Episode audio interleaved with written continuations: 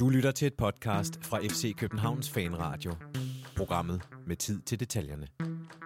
Så er det blevet fredag, og der er sørme fart på i fodbolduniverset.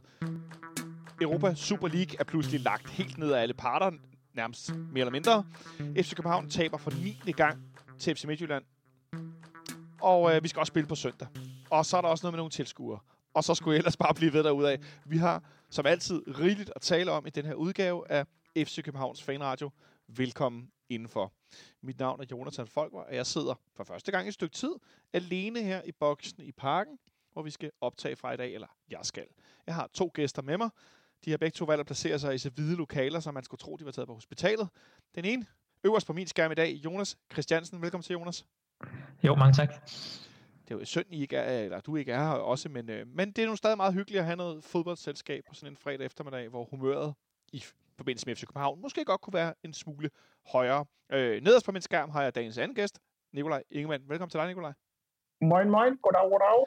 Og, og du taler jysk, fordi du som, ikke som Jonas yes. befinder dig et, et sted i Københavnsområdet, men du er taget til Jylland endnu en gang og re- rekreerer ja. lidt.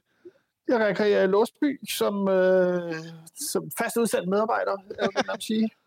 Altså, øh, jeg, jeg, jeg tænker lidt på, øh, skal du snart ud og måske scoute nogle talenter i Låsby eller omegn eller noget?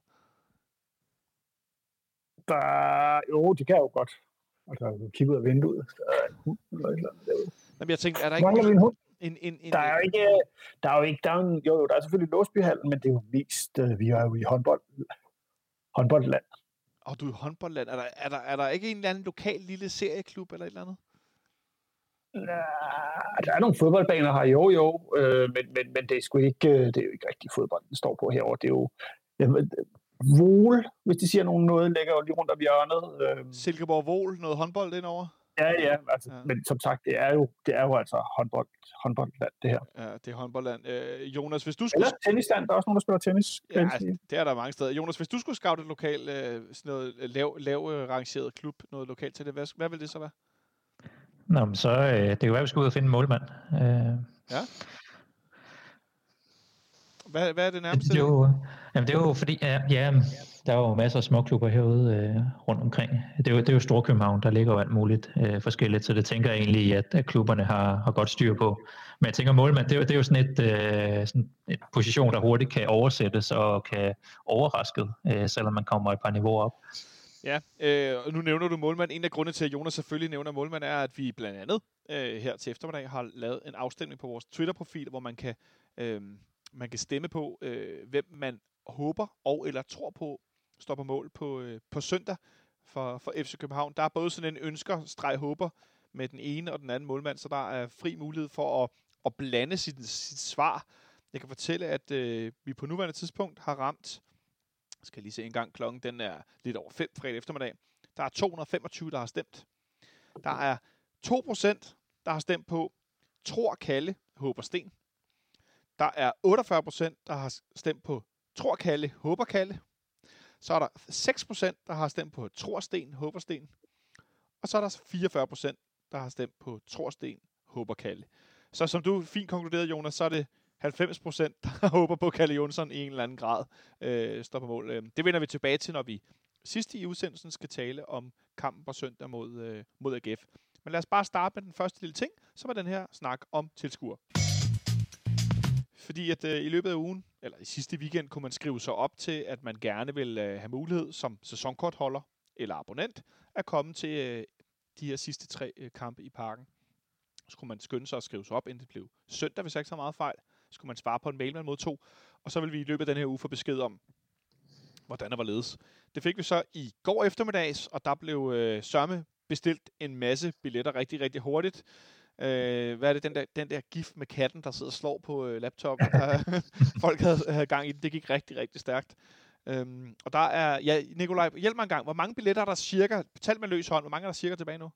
Ja, jeg tror, der er cirka lidt over 1000 billetter tilbage, hvis man lige gik ind på billetfck.dk lige og kiggede. Øh, det kan være, der er nogen, der er i gang med at blive reserveret, og det kan være nogen, der er låst i forbindelse med noget, de ikke valgte, men jeg vil sige sådan, det kan se ud som om, der ligger sådan mellem 1000 og 1500 billetter, øh, som ikke er blevet øh, reserveret, hentet endnu. Og øhm, er der noget bestemt sted på stadion, de er... Ja, familietribunen ja. øh, er der nogen tilbage på, og så er der et par øvre A tilbage. Øh, men det er sådan, det, ja, altså, så er der en, en, et par enkelte helt ude siderne øverst op øh, på øvre C. Ja. Og helt op på, men, men altså neder C, neder sektion, øh, og faktisk det meste af sektionen øh, er fuldgården. Ja, øh, det er jo ikke overraskende, vil jeg sige, men, øh, men fedt, at der er stor øh, opbakning. Øh, hvis man har fået sådan en mail, og ikke har udnyttet chancen endnu, så skal man gøre det senest på mandag, den 26. kl. 12. Det er der, hvor fristen for øh, dem, der i første omgang har fået mail, udløber. Og så efter det, så øh, vil de folk, som har været på standby-liste, de vil så modtage øh, en mail om, at nu kan de få lov at gå ind og vælge en plads, eller hvordan man nu skal sige det.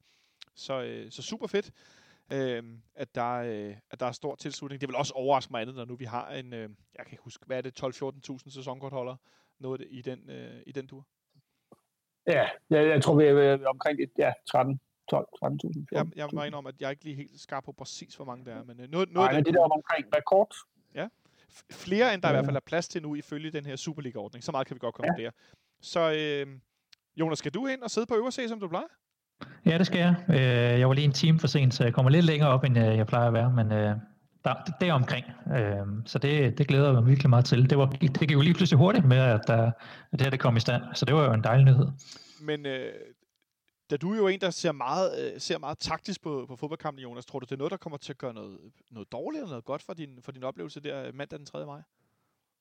Nej, altså jeg synes, at øh, jeg synes jo øver, øh, øver langside egentlig, hvor man sidder hen. Det er jo et fantastisk sted at se fodbold fra. Øh, jeg prøvede også at sidde øh, på en af de øh, på, på øvre B et par kampe her for i sommer, da den her ordning også kørte ja. med, med bredsiden. Der synes jeg, det, det er lidt andet view, man får her. Her der får man lidt af den der skæve vinkel ned med et godt overblik. Ja. Øh, det jeg også savner, det er jo, at øh, vi, vi kopierer den her model fra sidste år, så folk er spredt ud øh, og kan vælge deres egne sæder rundt omkring på stadion, så der er ikke den der samlede sektion, som vi kender, eller samlet, samlet ned at se. Så jeg tror, jeg forventer lidt mere, øh, lidt mere mumlen, end man måske kender fra de almindelige kampe, øh, fordi der er ikke de her øh, lokale grupper af stemningsfans samlet. Øh, og det er egentlig noget af det, jeg, øh, jeg har valgt med plads øh, fast på, det, har, det er, at man sidder hen imod sektionen og kan, kan få stemningen derfra, men samtidig have det der overblik. Det er egentlig derfor, jeg normalt sidder, øh, hvor jeg sidder. Det er jo lidt sjovt, for det er jo ikke meget andet, øh, Nikolaj, end hvor du og jeg står på, øh, på nederse, øh, som også er lidt det overmod, men også op bagved, så vi både har så meget overblik, som vi kan have, men også har noget, noget lyd nede for, ja, hernede på den her tribune, hvor jeg jo sidder og faktisk kan kigge ud gennem, gennem vinduet. Øh, så der stadig er, er lidt af det hele. Ja, men fuldstændig, det, det kan jeg godt lide. Altså, det, øh, jeg synes jo, vi står godt. Nu skal vi øh, over på C2. Ja. Øh, og se næste kamp. Det bliver også godt. Ja, det kan være god gamle C2 Ultras. jeg tror faktisk, jeg har et gammelt C2 Ultras stikker i min, øh, derhjemme. Så må jeg hellere få taget et med. Jeg synes jo, det er, det er meget sjovt, øh, faktisk, hvis jeg skal sige det, øh, nu, vi, nu vi er der, at, at, at komme lidt rundt på stadion.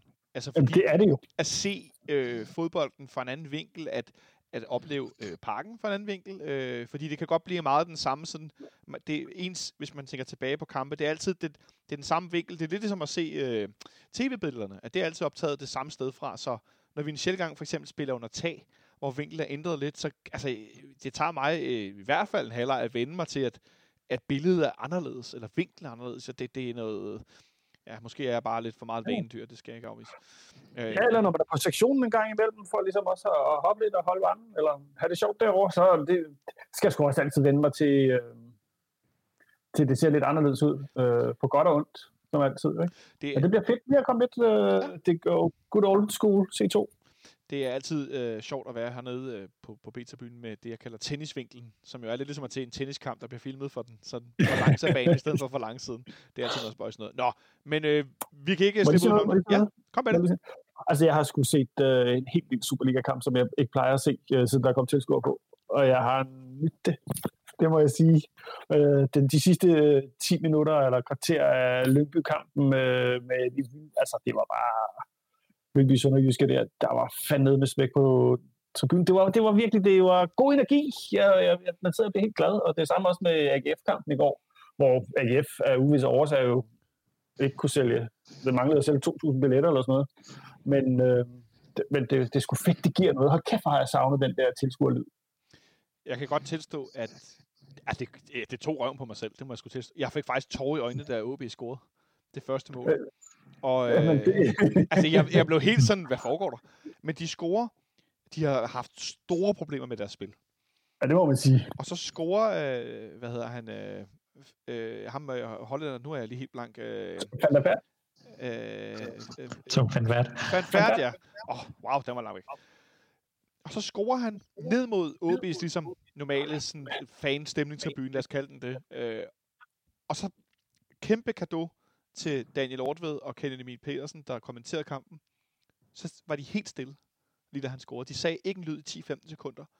Så jublen, den smaskede bare ud af tv'et ind i hovedet på mig, og jeg blev helt... Og så blev jeg sgu helt rørt, fordi den der spontanitet i, i glæde, som vi bare har hørt som sådan en susen, og øh, en, der sidder og skruer på en knap, og, øh, og wow, altså kæmpe wow. Det, det, ja, det må jeg skulle sige. Det, det, det tog røven på mig, hvor, hvor, hvor vigtigt det i virkeligheden er. Jeg kunne godt kede mig uden, men hold da op. Det, det kunne altså noget ekstra, så øh, ja, jeg Det glæder der, mig til det der halve sekund stillhed fra, øh, fra bolden, den er i luften til man ved den anden. Altså, det er jo, det er jo magisk. Det, det, Åh, det, ja. det der med at se nogen bag målet, som sådan, før alle de andre godt har luret det, som sådan rejser sig med hænderne i luften, og så allerede er ved at juble, og så jubler resten sådan, det, ja, det kunne vi snakke længere om. Nå, jeg synes, vi Kæft, det bliver, bliver dejligt at komme på stadion. ja, det bliver uanset, fantastisk. øh, Øh, men inden vi når så andet. langt, så bliver vi nødt til at tale om noget, der foregik i går. PC her. I uh, lytter til FC Københavns uh, fanradio. Stay tuned. Og grunden til, at jeg trykkede på lige præcis den jingle, var, at vi i løbet af i går aftes, som vi jo har gjort i nogle kampe siden 1. april, da den kære PC han startede sit, uh, sit arbejde i FC København. Når vi spiller kampe, så kameraet, øh, de ved det jo godt fra hans tid i AGF, men de, de følger ham gerne både i positiv og i, i mere negative øjeblikke, eller når det går godt og dårligt. Og han blev også øh, zoomet ind på nogle gange i går, PC, øh, undervejs i kampen, specielt i den sidste halve times tid. Og han Altså, jeg ville ikke have været sent til at tage nogle screenshots, hvis ikke jeg var FC København-fans, og, eller fan, og lave nogle, nogle memes ud af hans ansigtsudtryk. For det var godt nok nogle nedadvendte mundvige, der, der, der, blev, der tonede frem på, på, på, på tv'et hjemme hos mig. Hvilket man jo godt forstår. Øh, vi snakkede lige kort om, inden vi gik i gang med at optage, hvordan vi skulle håndtere den her FC Midtjylland-kamp. Fordi det er ikke nogen hemmelighed. De fleste af jer, der hører med, har måske allerede læst på Facebook, på BT, på Ekstrabladet, på Tipsbladet, på Twitter, et andet sted, om, at vi nu har tabt ni kampe i træk i, øh, til FC Midtjylland, eller i, FC, i Herning. Vi har tabt dem alle sammen, hvor FC Midtjylland har scoret tre eller flere mål. Øh, målscoren hedder noget i stil med, ja, hvad var det, 26, øh, 7 eller 4, eller sådan noget den stil.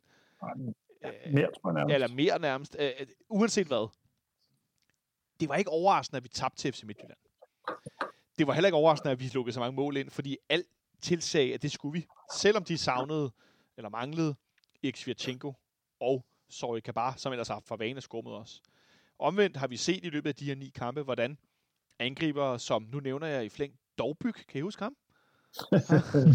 øh, Lasse Vibe i går, øh, Brumado i går, øh, Ronny Schwartz, øh, angriber af Al Onuachu, angriber af, hvad skal vi sige, skiftende niveau, øh, formår at blive rigtig gode, når de spiller med FC København på hjemmebane. Det så vi igen i går. Brumado er en stor, stærk øh, angriber. Han er hurtig, når han er i form, og han har set tvivlsom ud for FC Midtjylland og Silkeborg. I går så han blindende ud. Pione Sisto har spillet en forfærdelig sæson indtil nu. På nær en start i efteråret. Jo jo, klart. Men i en lang periode her har han været dårlig. Han så pludselig god ud. Uh, Anders Dreyer har været god for 21-landsholdet. Har, har haft svært ved at finde niveau. Udover Champions League, der var han rigtig god. Men i Superligaen har det været skidt. Det har været, lad os sige, middel. Så øh, har jeg ikke været alt for, øh, for farvet her. Han finder i, i sandhed også niveauet i går. Og sådan kunne jeg egentlig blive ved. En ting er, at de finder niveauet, men vi mangler også niveau på den anden side af midterlinjen. Så derfor besluttede vi os for at forsøge at zoome en lille smule ud. For jo, vi kan sagtens tale om, at Victor Nielsen ikke trækker Bromado offside. Vi kan sagtens tale om, at Sten Grydebus ligner en Tyrannosaurus Rex, der ikke kan nå op i hjørnet, eller står forkert placeret, eller hvad ved jeg. Men, Nikolaj, vi, vi bliver nødt til at prøve at zoome lidt ud, fordi det her, det er jo større end bare et 4 nederlag i Herning. Det, er det, det, det er mere end det. Og, og, og, og, og, og, og hvordan vi ligesom får bokset det ind. Det kan jeg ikke sådan helt lige ramme. Det synes jeg, vi skal prøve at gøre sammen.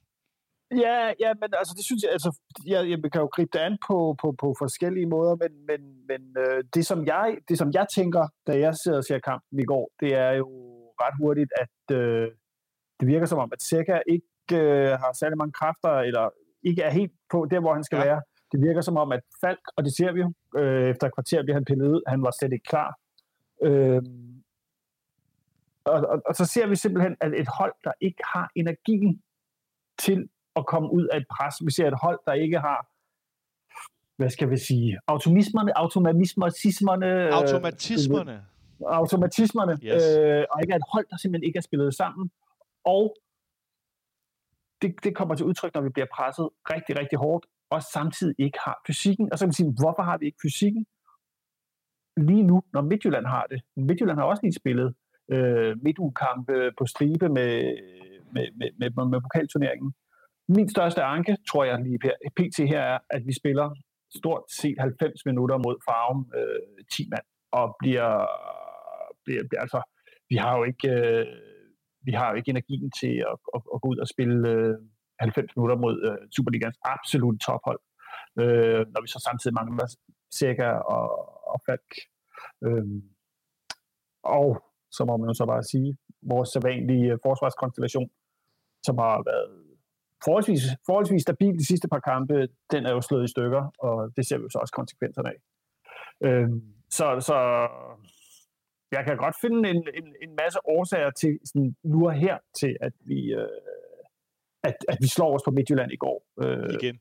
Også at, øh, igen, også at, at, at, at, at, øh, at Jonas Vind, han, øh, han ikke scorer på en 100% chance. Jeg tror nærmest, øh, det er den har en XG, der hedder 0,4, kan jeg lige se her. Øh, det er den største øh, chance i kampen, der ikke bliver scoret på. Øh, så så, så det, det, det er ret vildt. Øh, til sammenligning så er Pione Sistos øh, mål 0,03 i XG. 0,03. Og Drejers er 0,02. Det er jo, det er jo, det er jo øh, nej, Drejer, Scholz. Jo, det er Drejer det, det, er jo, det, er jo, det, er jo, det er jo vanvittigt. Det er jo, altså, det er jo to skud, der ikke skal gå ind. Det kan man jo sige. Det er første mål. Hmm. Ja. Det, jeg ved du faktisk, jeg kom til at tænke på. Du kommer lige en anekdote. Det mindede mig om Santin i Barcelona. Ja. Så vi kunne bare have ønsket, at Grydebus skulle fløjte som en dommerfløjte. ja. Det var, det var faktisk, hvad jeg kom til at tænke på, da jeg så, så den i, i går, at det er jo, det er jo næsten det samme, der sker. Øh, men, øh. Så det du siger er, at vi kan godt få en, en, øh, en piftetræner ud på tieren og lige lære ja. uh, Grydebust og, og pifte? Nej, så usportstige skal vi jo ikke være, men, men, øh, men altså, hvad skal man sige, det er, er det, det er alt det, vi har sagt her, det er det, der har gjort, at jeg måske ikke, jeg ikke føler mig så slået hårdt ud af et totalt nederen røvsygt resultat i går. Øh, jeg er stadigvæk meget mere ærgerlig og irriteret over 2-2 i øh, parken, end øh, at vi taber 4-1 i øh, Midtjylland. Lad os gribe den derfra, Jonas. Nikolaj, han, øh, øh, hvilket jeg godt kan forstå, rationaliserer sig frem til nogle, øh, nogle ting, der gør, at hans øh, puls falder en smule, og det ikke ser så skidt ud, og der er lidt, øh, at han øh, signalerer med to fingre meget tæt på hinanden, falder øh, to pulsslag. Øh, men også sådan en, uden at det skal lyde forkert, sådan en forsvarsmekanisme i forhold til at for, øh, forklare ting og få sig selv til at tænke, ja, men hvorfor er det, som det er? Og det kender jeg rigtig godt. Øh, hvad tænker du, når Nikolaj fortæller de her ting, Jonas? Jo, altså, jeg, jeg, tror, der er en årsag til, at lige præcis den her kamp bliver koblet så meget op på historien og på de her statistikker med, hvor mange gange træk det er og så videre, fordi det er det er som om, at i, i går, der, der følte jeg en lidt mere den her øh, eller måde sådan magtesløshed eller sådan magtdemonstration på en eller anden måde i forhold til, hvordan man fornemmede spillet.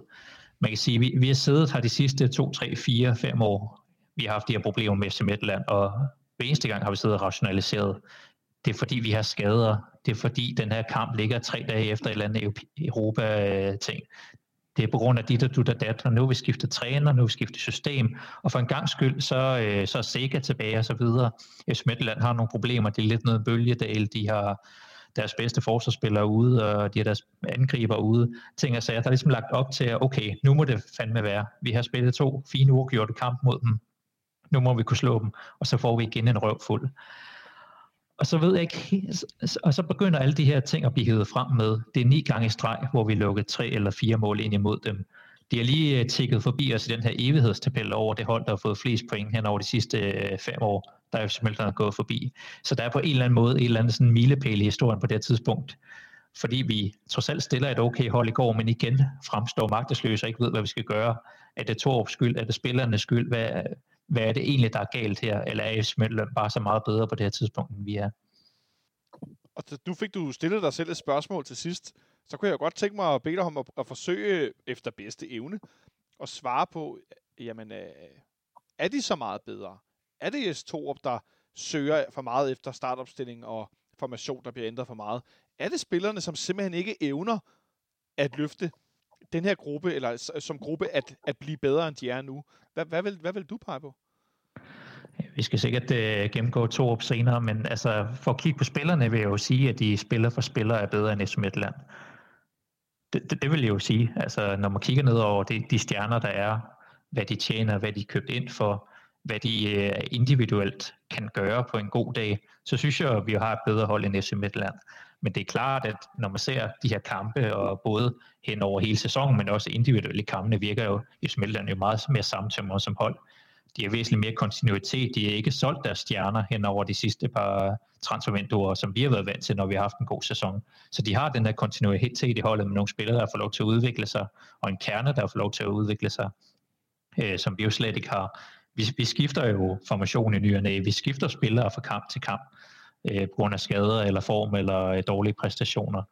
Så vi, vi ender op i en situation, hvor vi eller vores hold har øh, meget få kampe øh, sammen i de her øh, små trekanter på banen kontra det vi møder. Øhm, og så, så ender man jo i en situation, hvor jeg synes, at den kontinuitet vejer bare op for og bliver endnu bedre, end hvad vores hold er, af nu siger det, individualister kan, kan gøre ja, fordi, på sådan en dag. Fordi, Nikolaj, det, det jeg bider mest mærke i, eller ikke, men bider klart mærke i uh, Jonas' ret fine gennemgang, er netop det her med, at på en god dag kan, er vi individuelt bedre end FC Midtjylland. Men vi er netop individuelt bedre. Vi er ikke som gruppe eller som hold bedre. Ja, altså, jeg, det, jeg, jeg, jeg, jeg synes jo måske ikke, at vi spiller for spillere øh, på alle pladser er, er bedre end Midtjyllands øh, spillere, men, men, men man kan sige, øh, så kan vi gå ud og sige, på papiret er der nogle spillere, der burde være bedre, og burde være langt bedre, end det vi præsterer. Øh, men, men det er jo så ikke tilfældet. Øh, og, og jeg synes jo først, at, at det, det, det, kommer, folk, altså, det kommer til alvor til udtryk, når vi løber altså, i anden halvleg i går. Fordi jeg synes jo faktisk først, at halvleg godt nok er det Chubaik, Chubank chokolademand. Øh, men men, men øh, øh, og det, det, det er ret vildt første halvleg egentlig, men det er jo ikke, øh, det er jo ikke sådan, at vi spillede i bund på nogen måder. Altså, vi har jo chancer, vi bør score. Øh, øh, så, så, så, men lige pludselig så, så, så falder korthuset, og det er jo de der to øh, fuldstændig uheldige. Og så ser vi bare dumme ud, og så bliver vi ikke gode. Så er vi ikke gode. Men det ligner jo noget, jeg har set i Herning en del gange. Jeg har fundet en kamp frem for 2018, hvor vi kommer foran endda 2-0. Federico Santander scorer til 1-0, Victor Fischer scorer til 2-0, og så scorer Midtjylland tre mål til sidst, som øh, stort set alle tre mål, hvor de, hvor de løber igennem os. Det er vist, hvis jeg ikke husker forkert, er det den første kamp, hvor Rasmus Fald spiller central midt, tror jeg? Ja, ja, det er der, hvor øh, William Quist lige øh, lægger en uh, smuk uh, assist ikke, til, uh, jeg ved ikke, hvem der løber ned og scorer. Det er der, hvor han ligger og slår i græsset bagefter, efter sin horrible uh, tilbage skrå. Ej, det, det, det, tror jeg ikke, for han er ikke på banen. Der kan du se. Det er det, jeg mener. det, det, det, kan ja, det men vi kan alle sammen huske, hvor han ligger og slår, og slår i græsset, ja. men jeg kan også godt huske den anden kamp der, men det, ja, jeg blander dem jo sjovt nok sammen, eller prøver ikke at blande dem sammen. Meget, meget bizart, så bruger vi kun én udskiftning i kampen, og det er Jonas Vind, som kommer ind i det 56. minut i stedet for Federico Santander. Men, men, men, men, men for at vende tilbage, så er det jo, øh, så er det jo også så er det Midtjyllands kollektiv, der vinder i, øh, i går over os. Det, men, det er helt klart. Men Nicolai, er det Midtjyllands kollektiv, der vinder, når Anders Dreyer scorer et mål, der på XG har, er så lille for chance for at gå ind på et vanvittigt langskud, og når Pione Sisto nærmest kopierer det, det er vel ikke kollektivt, det er vel enkeltmandspræstation. Ja, men så kan man sige, ja, jo, det er, ja, det er jo, det, det, det, det, hvem er det, der, der er i hvert fald en, der ikke præsterer i, i, i, i begge situationer, vil jeg måske mene. Men, men, men, øh, men det, at vi ikke kan, kan formå på noget tidspunkt i anden halvleg at få greb om den kamp, det er jo skyldes jo Midtjyllands kollektiv. Øh, og det skyldes jo, som jeg også sagde tidligere, at, at når vi kommer under pres, så, så, så er vi simpelthen ikke fasttømret nok som hold til bare at kunne slå en aflevering i blinden endnu. nu. Fordi vi har jo set glimt af det. Vi, så, vi, har, altså, vi har jo så glimt af det både, både i, i de sidste mange kampe. Og vi har jo snakket om, at den her, var det den gode halvleg, var det den dårlige halvleg, øh, kan vi ikke få, snart ikke få bredt det her længere ud? Fordi når, når, når, når, når ketchupen løber ud af, af Heinz-flasken, øh, så, så er det jo virkelig, virkelig godt, det vi laver. Og det har det jo været en lang periode, men, men altså igen, jeg, jeg er ikke overrasket over, at vi taber i går. Det virker som, der ikke er så meget øh, Heinz tilbage i flasken, PT. Jonas? Jeg vil bare sige, at altså, i, går var trods alt også en kamp, hvor vi igen prøver at gøre noget anderledes. Øh, fordi vi, vi har prøvet at bygge op i noget tid i en 4-3-3 opstilling, nu vi går over til en 4-2-3-1, og lige i går, så ville man så gerne have noget mere fysik ind, siger trænerteamet, for at matche FC Midtjylland. Vi ved, vi har, vi har Bøjlesen ude, så vi har Sanka inde i stedet for. Ja. Vi øh, skifter Fischer ud for Stage op foran på en kant. Rasmus Falk i foran rykket længere op, så vi har fire centrale midtbanespillere inde. Øhm, så man, man, man forsøger ligesom, okay, nu skal vi ud og slås, nu skal vi power igennem. Vi vil gerne ligesom slå på den bane. Vi ser også uh, Victor Nielsen øh, hammer sidste år i, i gulvet. Der, er ligesom, der, der har været fuld fokus på, at vi skal, vi skal ud og smadre igennem på den front. Men så ser jeg alligevel et trænerteam, der stadigvæk vælger en Grydebus mål, fordi han, de skal ned og spille øh, fint øh, kombinationsspil. Man vil gerne have en, en målmand, der, der er bedre med fødderne. Jeg ser også et hold, der forsøger at tiki-taka sig ud igennem øh, presset for at komme igennem. Jeg, der er ligesom op, der er, der er nogle ting, der ikke helt er afstemt. Hvorfor vil man gerne have et tonsehold på banen, men stadig forsøge at spille tiki-taka igennem presset? Fordi vi, vi ser jo i, i løbet af, slutningen af første halvleg og egentlig helt anden halvleg, at vi gerne vil spille os igennem presset, men den går i stå omkring nogle af de spillere, der ikke er så gode på bolden.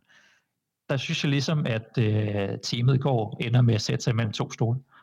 Ja, det, det er egentlig også øh, sådan, sådan lidt min fornemmelse i går, men egentlig som det også har været i, i flere kampe, som jeg også har talt både med dig, Jonas, og med, med Nikolaj og nogle af de andre her podcasten om, at, det virker som om, at, øh, at, at man vil for meget på for kort tid, øh, hvor jeg nogle gange har plæderet for, hey, skal vi ikke starte med ikke at lukke mål ind? Og så måske bygge, spille sig ud af det på, eller sådan Men omvendt, så sidder jeg jo som sådan en idiotfan og siger, vind nu, vind nu! Så man kan, man kan jo ikke, man kan ikke få det hele på én gang, men det, øh, altså, øh, jeg, jeg har svært ved ikke at, øh, ikke at tænke, Jonas, at, at der bliver ændret for meget for ofte i forhold til, hvad man som gruppe også kan nå at inkorporere. Eller er det for simpelt sat op? Jeg ved ikke, om jeg Nikolaj vil byde ind her. Øh, øh jo, det kan det være godt. Altså, jeg vil jo også altid sige, at vi skal starte med at bygge defensiven op, men det er jo mere sådan en, en, en øh, det er jo mere sådan en personlig, øh, hvad hedder sådan noget, det ved jeg ikke. måde at gøre tingene på. Ja, men, men, men, men, men det er jo også det der med, det kræver jo, at vi har nogle, vi har forsvarsspillere, og det har vi jo tydeligvis ikke, når, når, når, når, når Bøjlesen ikke spiller dernede. Så har vi jo ikke, så, hvem, hvem skulle ellers spille? Vi har Sanka, han kan ikke finde ud af at spille fodbold mere. Og så har vi... Skulle, skulle vi sat, hvem skulle vi sat ind i går? Nej, men det er jo ikke så meget for mig, handler det ikke så meget om, hvem spillerne er. Det er mere et spørgsmål om, som Jonas er inde på, så ændrer man formation eller type af spillere i formationen ja, igen. Øh, ja. Jeg, jeg må indrømme, jeg, jeg, jeg bliver sådan lidt i tvivl om, øh, om, om det står dårligere til fysisk med nogle af dem, end, end vi er klar over. Når vi ser Rasmus Falk med et knæ, som er voldsomt bundet op, der starter ind, går tidligt ud.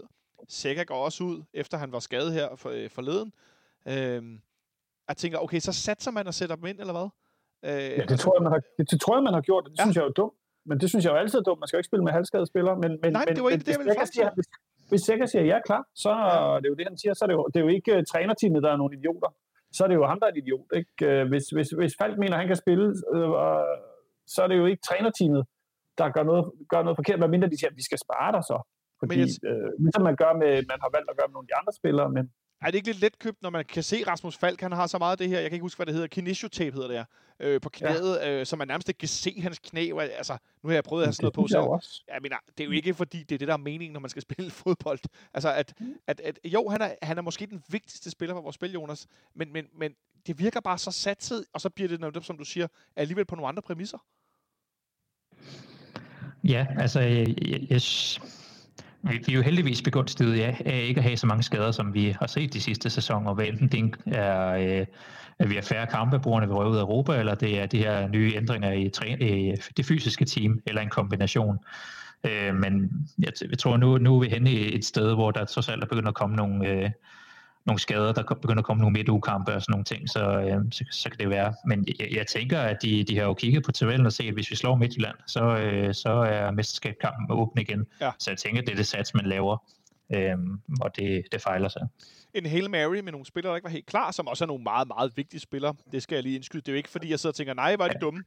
Men, ja, men, men, men lidt en Hail ja, Mary, men, ikke? Men, men, men jeg tror også, at, de, de, at netop det der med, at vi mister to point i hjemmekamp mod Farven, det gør, at vi blev sat os under mere pres. Altså måske har vi ville mere, end vi kunne. Ja. Øh, og det synes jeg, alle dumme steder, øh, så var det, det var det dummeste sted at gøre det. Det, du, du er simpel, jeg tror også, jeg skrev til dig, hvis vi spiller, de spillede måske på 95 procent i går, og vi spillede, øh, vi spillede på 75 procent, så, så bliver man bare kvæst, fordi det, det er ikke godt nok det kan man ikke øh, komme afsted med. Nej, jeg vil så bare vælge at konkludere, at uanset hvor mange procent vi har spillet på i Herning i en del år i træk, så er det fuldstændig lige meget, fordi vi bliver kvæst af dem alligevel. Øh, så, ja. så jo, jeg er enig med dig, for det var det, sådan det så ud fysisk, men det ændrer bare ikke så meget for os, som det er. Nej, nej, det er stadigvæk noget øh, point på kontoen, ikke?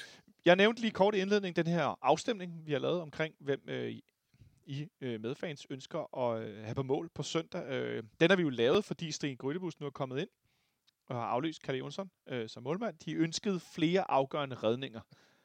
Det var øh, Jes Torps, øh, øh, hvad skal man sige, svar på, at han blev spurgt, øh, hvorfor man har byttet ud på målmandsposten. Øh, og det er jo nemt at sidde og sige, nej, var han dårlig og så videre. Jeg er ikke fodboldmålmand. Jeg har ikke været det. Jeg kommer nok aldrig til at blive det. Men jeg kan alligevel undre mig over, øh, hvorhen i målet nogle af de her bolde går ind. Nej, han skal ikke redde Anders Drejers absurde langskud op i hjørnet, fordi hvem gør det? Det tror jeg ikke, der er nogen målmand, der gør. Øh, måske en ud af tusind, hvad jeg lige vil sige. Øh, det kan være en af de bedste i verden lige nu. Det kan være Ter Stegen, øh, Courtois i Real Madrid. Øh, der er nogle få stykker. Oblak i Atletico måske. Men der er ikke mange, der redder den der bold. Øh, og så er der den anden Pionicisto, som... Er det et indlæg? Er det en afslutning? Jeg ved det ikke rigtigt. Den sejler i hvert fald ind over Grydebust, men det er midt i målet, og øh, så også et, et mål, som blev scoret herinde forleden, der var midt i målet, som FC Nordsjælland lavede. Jeg forstår ikke, hvorfor Sten Grydebus pludselig er kommet på mål. Øh, som en del af det her, man ændrer hele tiden. Og nu spørger jeg bare helt kort, inden vi også skal tale om det med AGF-kampen. Jonas, ønsker du, at de skifter målmand tilbage igen til Kalle Jonsson på, øh, på søndag?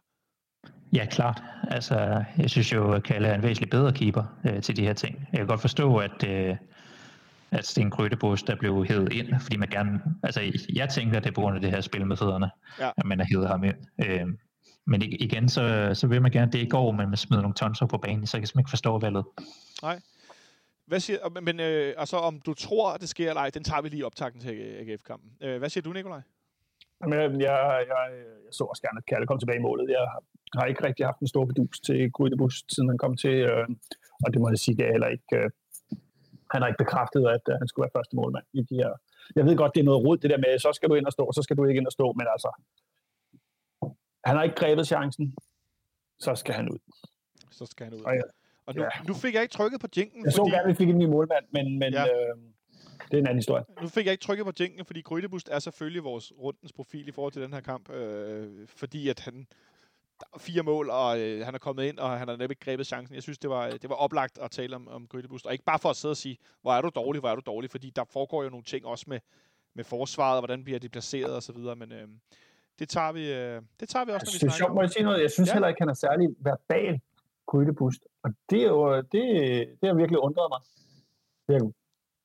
Men øh, ja.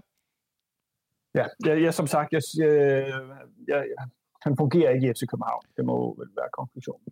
Så altså et 4-1 nederlag i Herning, og det værste er jo næsten, at det føles lidt som, nå ja, fordi det var jo nærmest også det, der skete sidste gang. Thanks for tuning in to FC Copenhagen Fan Radio. You're listening to Atiba Hutchinson. Nu går vi over til noget helt andet.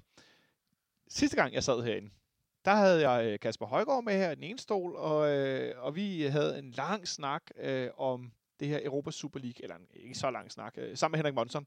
Og vi havde Daniel Rommedal fra FC København, øh, som har en eller anden, undskyld mig, obskur lang titel, øh, noget med International Affairs og Football øh, Director Management noget. Øh, Daniel, han, han har en stor hat på, lad os bare sige det. Og øh, kære Daniel Rommedal sidder også i ECA, øh, den her europæiske sammenslutning af fodboldklubber, sidder deres bestyrelse. Han var blevet vækket kl. 7 om morgenen, som han fortalte øh, søndag morgen, og fik at vide, at nu var der altså Ula i Mosen med, med Europa Super League og Real Madrid, Juventus og andre store klubber, seks engelske klubber med videre.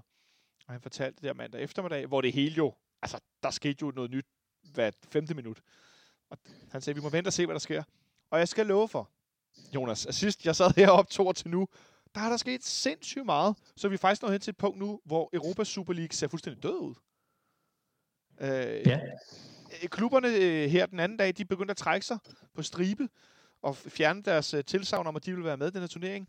Og det sidste i dag er, at JP Morgan, den her amerikanske bank, de har sagt, ah, vi vil for øvrigt ikke stille det her altså, kæmpe økonomiske støtte på, hvad var det, 26 milliarder, eller hvor meget var det? Øh, den vil de for øvrigt ikke stille heller. Så nu ligner det, at Europas Super League på en uges tid, under nu, er fuldstændig død igen. Hvor tænker du umiddelbart, at det efterlader øh, alle de andre klubber versus de her øh, store klubber? Ja, altså jeg så en på Twitter, der skrev, at det er utroligt, hvad, hvad, hvad hvide middelalderne mænd kan gøre, når de rent faktisk mobiliserer sig og bare skaber sig et døgns tid.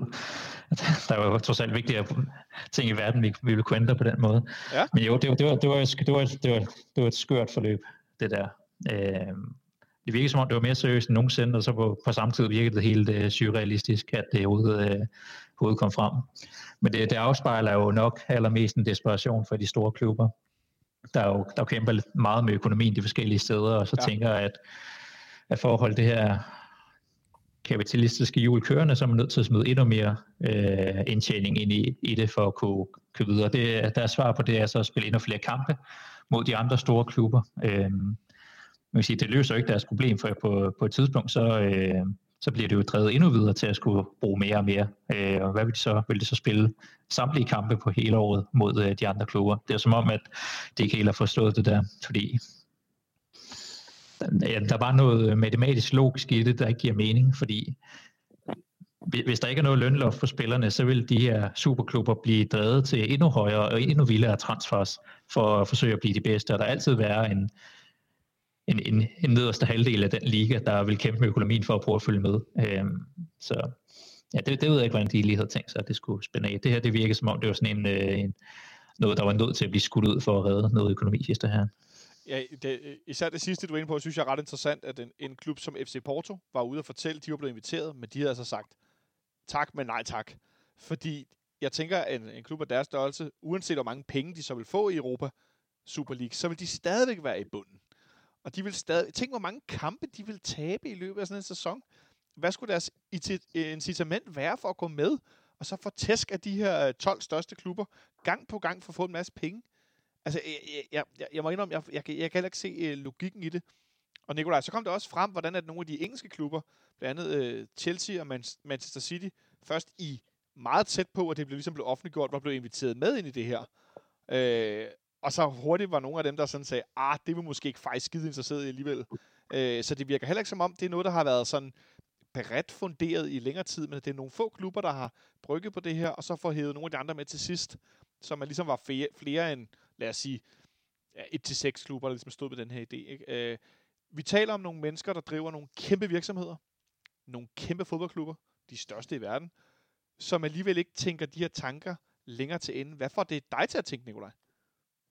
Jamen, jeg synes jo, det, det, jeg synes jo, det er bekymrende. Det hele, hele forløbet er jo vildt bekymrende, og det siger jo lidt om, at dem, der træffer beslutningerne, måske sidder noget afsondret fra, fra, fra hvad, hvad der egentlig foregår i fodboldverdenen, og ser på det som et øh, deres personlige brand, øh, som det bare skal tjene nogle flere penge på. Øh, det, det, det virker sgu noget virkelighedsfjernt, øh, og specielt nogle af de udmeldinger, der ligesom kommer fra, fra både den ene og den anden uden at nævne øh, hænge nogen, nogen ud i Italien eller, eller Spanien.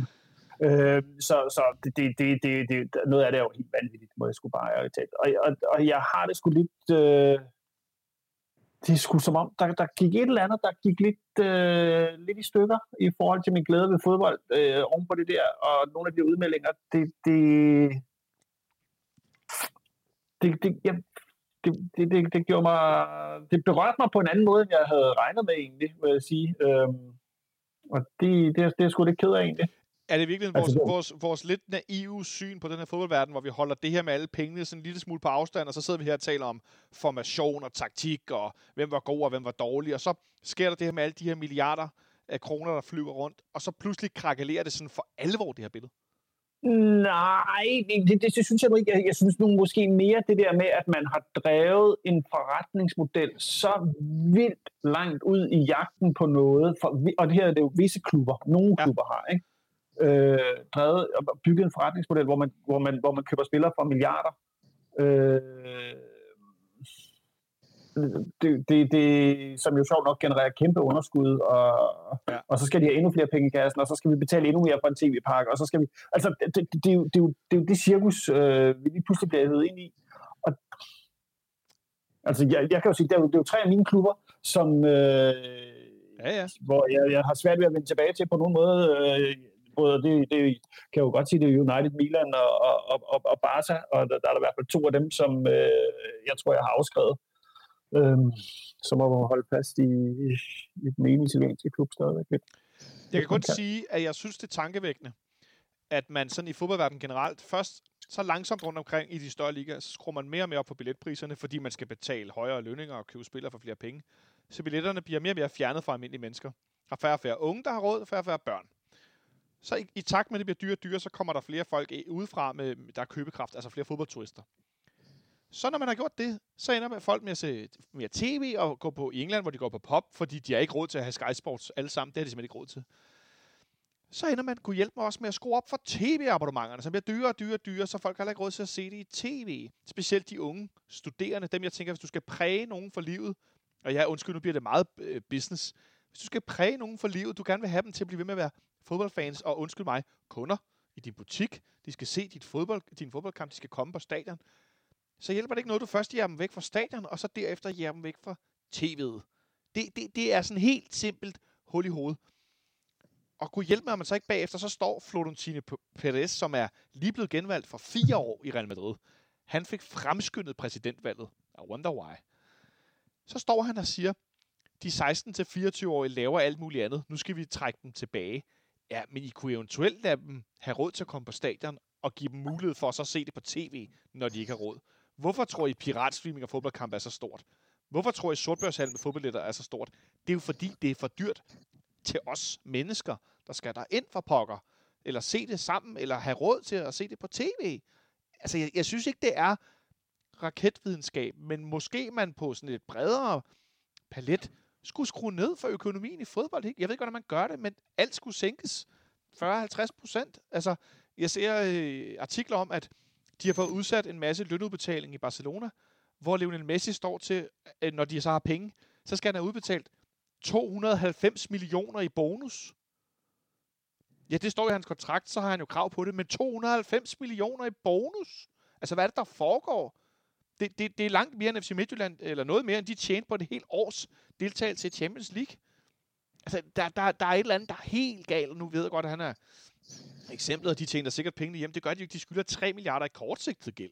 Ja, undskyld, nu renter jeg lidt om det, men jeg, jeg synes bare, der er nogle ting, som... Det er fint, altså, jeg har det på samme måde. Jeg synes bare, der er nogle ting, Jonas, som sådan, og jeg ved også, du også arbejder med, med økonomi og sådan noget, jeg synes bare, der er nogle ting, som er sådan helt simpelt håbløse, at du kan ikke jage folk væk, og så klage over, at de ikke er der, og så opfinde et produkt, de ikke er interesseret i, så tror de kommer tilbage.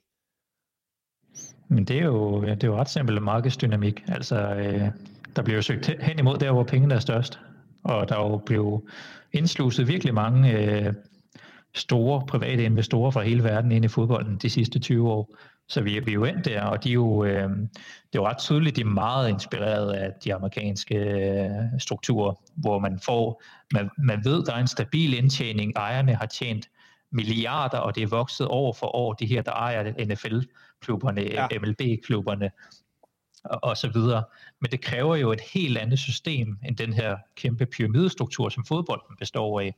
Og det, det, det skaber i stedet øh, et, et punkt, hvor man at øh, ja, de mest magtfulde vil jo bare forsøge at profitmaksimere, øh, og det samme med de små i øvrigt. Og det, vi, vi har set det i lille skala herhjemme i Superligaen også, hvor at den er lidt sjov, øh, demokratisk proces i virkeligheden skaber lidt en bastard af en Superliga, fordi der ikke er nogen, der har mandatet eller magten til at sætte sig ned og skabe et format, ja. eller en struktur, der faktisk er bedst for underholdningen, er bedst for klubberne, er bedst for øh, talenterne og så videre, er bedst for fansene. Det bliver ligesom skabt imellem det her, det her magt. Øh, så jeg kan godt forstå, at Nikolaj føler, han føler sig lidt desillusioneret her, og, og romantikken er gået lidt af fodbolden. Det, det er jo en bevægelse, der er sket de sidste 50 år. Altså øh, fra man stod og man kunne få en pølse til en femmer og se det lokale hold og alle de her ting. Men, men vi bliver nok nødt til at finde en balance på en eller anden måde i forhold til, hvad skal fodbold være? Fordi det er klart, altså 450 kroner for et Viaplay abonnement, øh, hvis man gerne vil have en, øh, en 16-årig til at, at se det, der lige er flyttet hjemmefra. Det er jo, øh, ja, det, ved ikke, det er vel halvdelen af SU'en eller et eller andet på sådan en, øh, hvis man er på en eller anden ungdomsuddannelse. Jeg må indrømme, at, at, at den næste del er, er faktisk noget, der glæder mig. Øh, der er to ting. Øh, den første er, at, at det glæder mig, at den traditionelle, du nævner, kalder det pyramide, Jonas, netop det her med, at ja, der er nogle klubber på toppen, der tjener flere penge, men, men pengene drypper nedad, som vi altid siger. Vi ved godt, når der foregår en kæmpestor handel blandt to europæiske klubber. Lad os tage Mesut Özil fra Real Madrid til Arsenal som eksempel. Det var den største handel i det sommertransfervindue i 2013-14 stykker. Så ved vi godt, at de penge kommer til at bevæge sig rundt efterfølgende, fordi så køber Real Madrid en ny spiller, og der hvor han bliver købt, så køber de en, og så, bliver, og så er der nogle, øh, de, øh, nogle uddannelsespenge til nogle andre klubber, og det, det drypper hele vejen ned, og det samme. Altså, det er jo derfor, vi nogle gange har talt om, at i FC København, der venter vi til sidst i transfervinduet med at gøre noget, fordi vi er sidst i fødekæden. og det sådan gjorde man det i hvert fald tidligere. Så pengene skal ligesom nå at drøbe rundt, og alt det her. Men det glæder mig, at den struktur, vi har, var noget af det, som specielt de her amerikanske ejere i nogle af klubberne, troede, de kunne gå ind og sådan franchise på, men det kan du ikke. For det er ikke sådan, det er bygget op med fodbold, som primært er centreret om Sydamerika øh, og så Europa. Øh, det, det kan du bare ikke. Altså, det findes ikke. Og det var jo den opstand, der, der så kan vi ja, sige, hvorfor kan hvide øh, mænd i Europa ikke tage og tage sig sammen og gøre noget ved racisme og alt muligt andet, øh, og krig og hvad ved jeg. Vi tænker, hvis, hvis, vi, hvis vi tog os sammen og kiggede i enhed et eller andet sted hen, ikke? at vi kunne ændre på. Men det glæder mig, at den her struktur, som er det fodbolden bygger på, den alligevel holder fast. Den anden side af det, det er FIFA og UEFA. UEFA, som nu har valgt øh, Paris Saint-Germains præsident, Nikolaj, som ny formand. Så han nu sidder som formand eller præsident i en lang række sportsorganisationer, der er sådan nogle verdensomspændende. Og det er jo Katar. Så nu sidder Katar på toppen af den europæiske klubforening. Og det må jeg indrømme, det, det, er jo nærmest, det er jo nærmest tragikomisk. Fordi er det så meget bedre? Ja, det ved jeg ikke, men jeg kan da ikke lade være med at tænke, nej, det er det da ikke. Altså, jeg, jeg ved ikke, om det er bedre, eller, øh, eller hvad det er, men, men, men altså, jeg, jeg synes, det er jo, det er jo, det er jo fuldstændig, det er bare, det er jo, det, det der pengespil er jo bare blevet for vanvittigt, og jeg, jeg, jeg, altså det, er jo, det er jo også det der, man snakker om. Nu skal, nu skal vi så synes, at, at PSG, det er ligesom de good guys, fordi de gik ikke med, og Manchester City, de var også bare, de sagde bare nej, efter at have sagt ja, så kunne de godt lige lukke af deres fans. Det, men det er, jo, det, er jo, det, er jo, det er jo, sorry, det er jo spil for galleriet, altså. Qatar gik, eller hvad hedder ikke, øh, PSG gik jo ikke med, fordi deres ejer, han, han sidder jo på Champions League-rettighederne. Han var sgu da ikke interesseret i, øh, Altså, han er også ejer af, hvad hedder de, dem, der ligesom distribuerer et eller andet af det der. Så, så, så det, vil, det, hvorfor, det vil jo undergrave hans egen virksomhed, ja. øh, eller pengestrøm, ikke? Så det er jo også... Det, det, ja.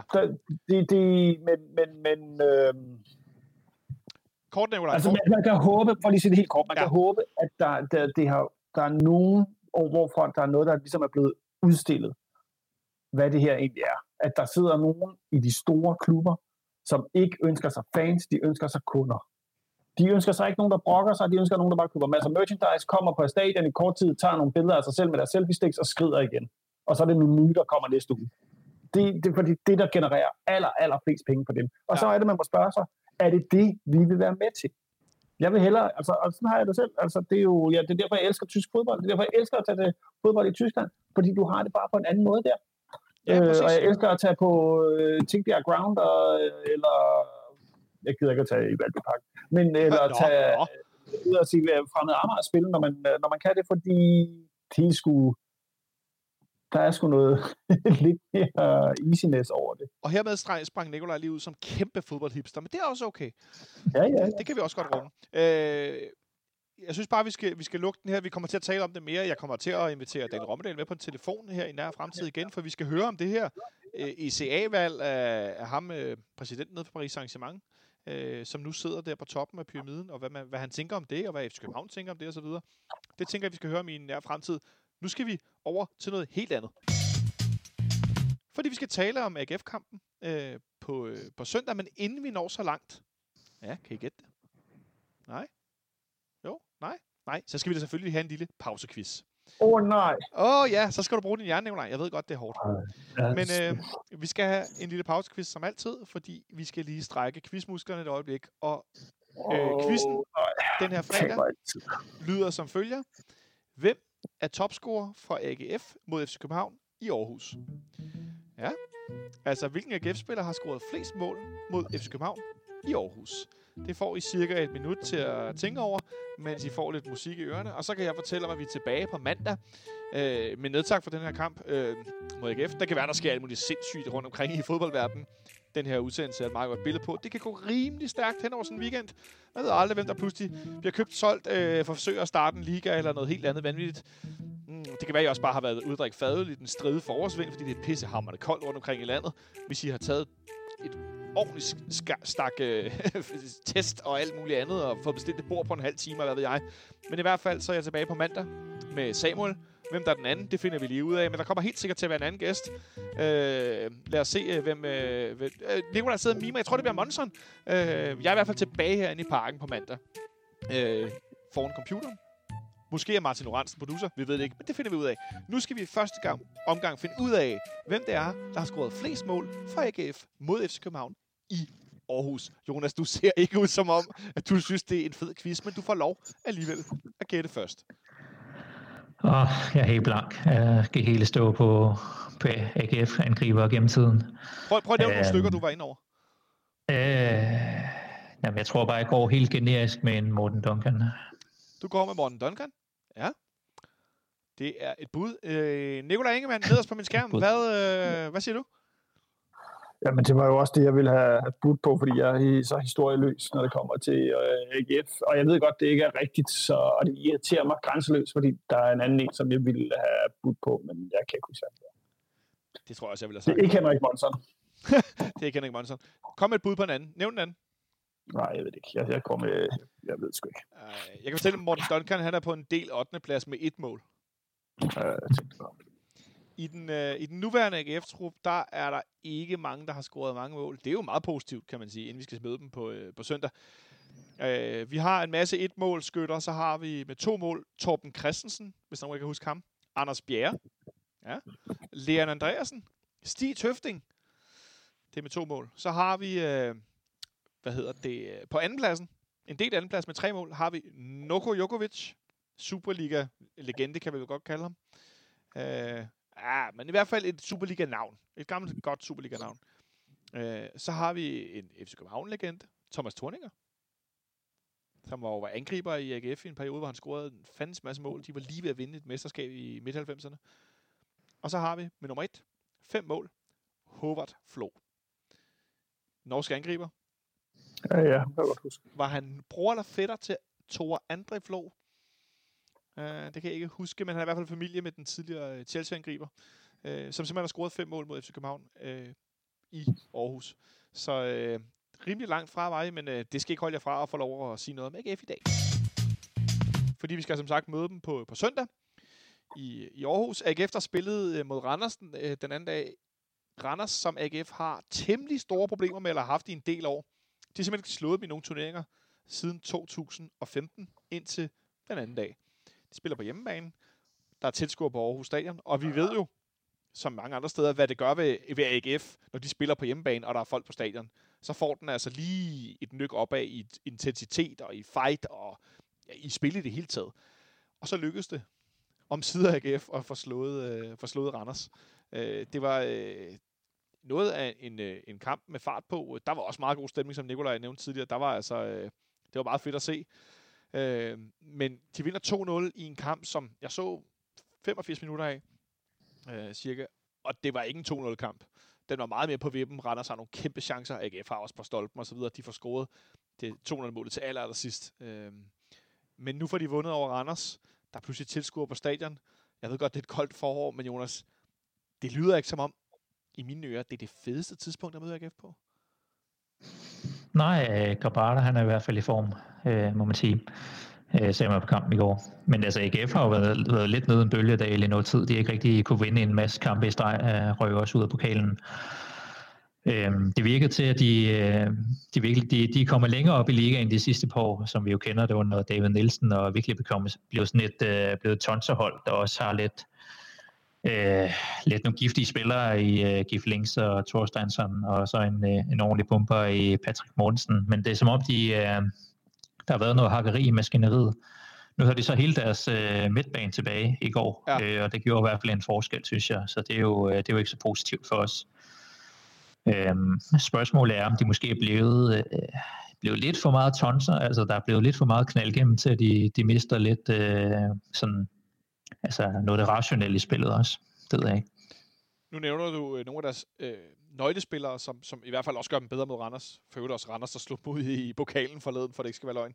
Øhm, Patrick Mortensen har så øh, karantæne mod os på søndag. Og det må alt andet lige være en klar fordel for os, at deres, jeg vil eneste sådan klare centerangriber, som, som også er deres anfører. En spiller, der har gjort det utrolig godt, siden han kom til AGF. Han nu er ude på, øh, på søndag.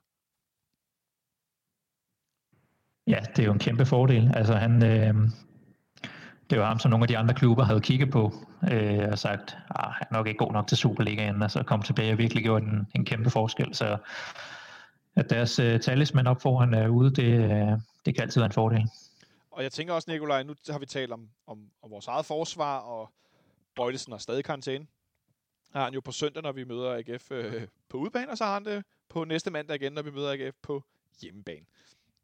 Øh, men det er vel også en klar fordel for os med et, et centerforsvar, der har skiftet nogle gange, og øh, Victor Nielsen og Sanka så ikke super afstemt ud i, i hele kampen i går, at, at den, øh, den klare førsteangriber i Aarhus, han er ude. Ja, men selvfølgelig at den, det giver sig selv en kæmpe fordel, at han stadig er en Superliga-topscorer, eller, eller det omkring, ikke? Så, så det, er da, det, er da, det er fint, han, han ikke er med. Øh, AGF er jo et hold, vi skal slå, øh, så det er jo, der ligger lige 6 point der over de næste to kampe. Øh, en stilling, der lige nu hedder AGF, er, er foran os i, i stillingen som nummer 3 med 42 point, ligesom vi selv har, men de har en bedre målscore, fordi vi har en målscore på 47-43 efter 26 kampe. Det er altså helt, helt, helt uhørt. Hvis man lukker 43 mål ind. Det, jeg ved, men det er også derfor, altså, men, men, men øh, wow. det, det, det, passer os, det passer sgu nok meget godt øh, at skulle møde AGF. Øh. Så det er spændende at se, hvordan det er med fysikken, ikke? Det er måske det, som er bekymrer mig mest, men øh, jeg tror, vi kommer i, i, i, hvad skal man sige, ikke den samme opstilling som mod, mod Midtjylland, men øh, men øh, den samme opstilling, mere eller mindre, på nær Bøjlesen, som vi spillede i øh, mod Farum. Ja. Det er jo et, et meget øh, fint bud. Øh, vi kan jo tage den ned fra. Nu snakker vi om, om, om Sten Grydebus, nu kan jeg ikke engang tale længere, versus Kalle Jonsson her før, øh, hvad vi sådan øh, forventede måske, øh, Jonas. Men tror du så, at vi skifter tilbage? Altså, nej, jeg, jeg tror, at trænerteamet vil stadig gerne sætte Grydebus. Det eneste, der skulle kunne være ved, at vi skiftede tilbage til Kalle, det er det her 3-0-mål fra Pione Sisto, den der, der sejler ind over ham. Ja. Altså, det var som om, at der blev suget energien ud af, af forsvarsspillerne. Altså, så kunne det også være lige meget, hvis han ikke kan tage den der. Ja. Altså, det, det minder lidt om, om, da jeg var 13 år og kom op på en 11-mandsbane og skulle slå på mål. altså, det, det var det røg nemt henover. Øhm, og, og, så ved man bare, så rørt. Så så, så ser ens øh, kammerater lidt modløse ud på sådan en bane der. Så det, det skulle ligesom være det, at forsvaret ikke er trygt med målmanden. Altså, det skulle ligesom være det eneste. Så nej, jeg tror, vi går med Grydebust igen. Nikolaj, øh, at når man kommer op på en 11-mandsbane, og man ikke kan nå overliggeren, det synes jeg er et fuldstændig fantastisk billede, Jonas får malet, som desværre er et meget godt billede på den oplevelse, øh, som man lidt, jeg i hvert fald lidt sidder tilbage med, af Sten Grydebust i går. Øh, tror du, Grydebust står i målet på søndag i AGF? Eller i Aarhus? Tror eller håber ikke. Ja, vi har været inde over, hvad jeg håber ikke. Øh... Jeg tror, jeg tror faktisk, at Kalle kommer tilbage, fordi øh, det var sgu lidt åbenlyst, at det der ikke fungerede. Og det ikke fungerede sådan på alvor rigtigt, rigtig godt. Øh, så det, jeg tror, jeg tror, jeg, jeg, jeg, lad mig bare gå med Kalle og sige, at øh, så har jeg også noget at være sur over, allerede øh, når en time før kampen. når, det så ikke, når det ikke lykkes. Det er godt, som ligesom lavet op. Ja. Fyldt som med den negative energi, så ja. Jeg, jeg, jeg, jeg, tror sgu, jeg tror sgu godt, vi kan se Kalle komme tilbage. Men så er det, så er det åbenlyse spørgsmål for mig er jo, kommer det så til at gøre nogen stor forskel, Nikolaj? Ja, fordi han er en bedre målmand. Ja, men altså, vi har jo også set ham lukke en del langskud ind. Nu var det to ja, langskud igen i går. Det kunne egentlig være sjovt, hvis nogen kan lave en statistik på, hvor mange langskudsmål vi har lukket ind i denne sæson. For jeg kan jeg da ikke tror, forestille mig. Det er 42, tror jeg. Eller sådan. altså, det er, jo, det er jo helt vildt mange. Det er helt vildt, ja. Øh... Men det, er jo, det, har vi jo, det har vi også været inde på at snakke om i en anden udsendelse, at det der, der har virkelig været problemer med at, at, at styre spillet foran feltet. Ikke? Ja. Øhm, så ja, jeg, jeg synes jo, Kalle er en bedre målmand i feltet. Ja, i feltet. Jonas? Lige præcis langskudstatistikken har lært der faktisk uh, lavet en statistik på. Det er 10 mål, vi har lukket ind på skud uden for boksen i 26 kampe. Uh, det er lige så mange, som vi lukkede ind på 73 kampe, både i 18-19 og i 1920. Fedt. oh, hvor er det Vinder man noget, eller sådan? Er der, er der en, en plads, fair play plads eller sådan noget? Ja, det, det, det, det, det er som at gå i Tivoli, og så er der, øh, hvis det ikke gevær, og man skal skyde en bjørn, eller hvad der er, ikke? så der, man rammer hele tiden.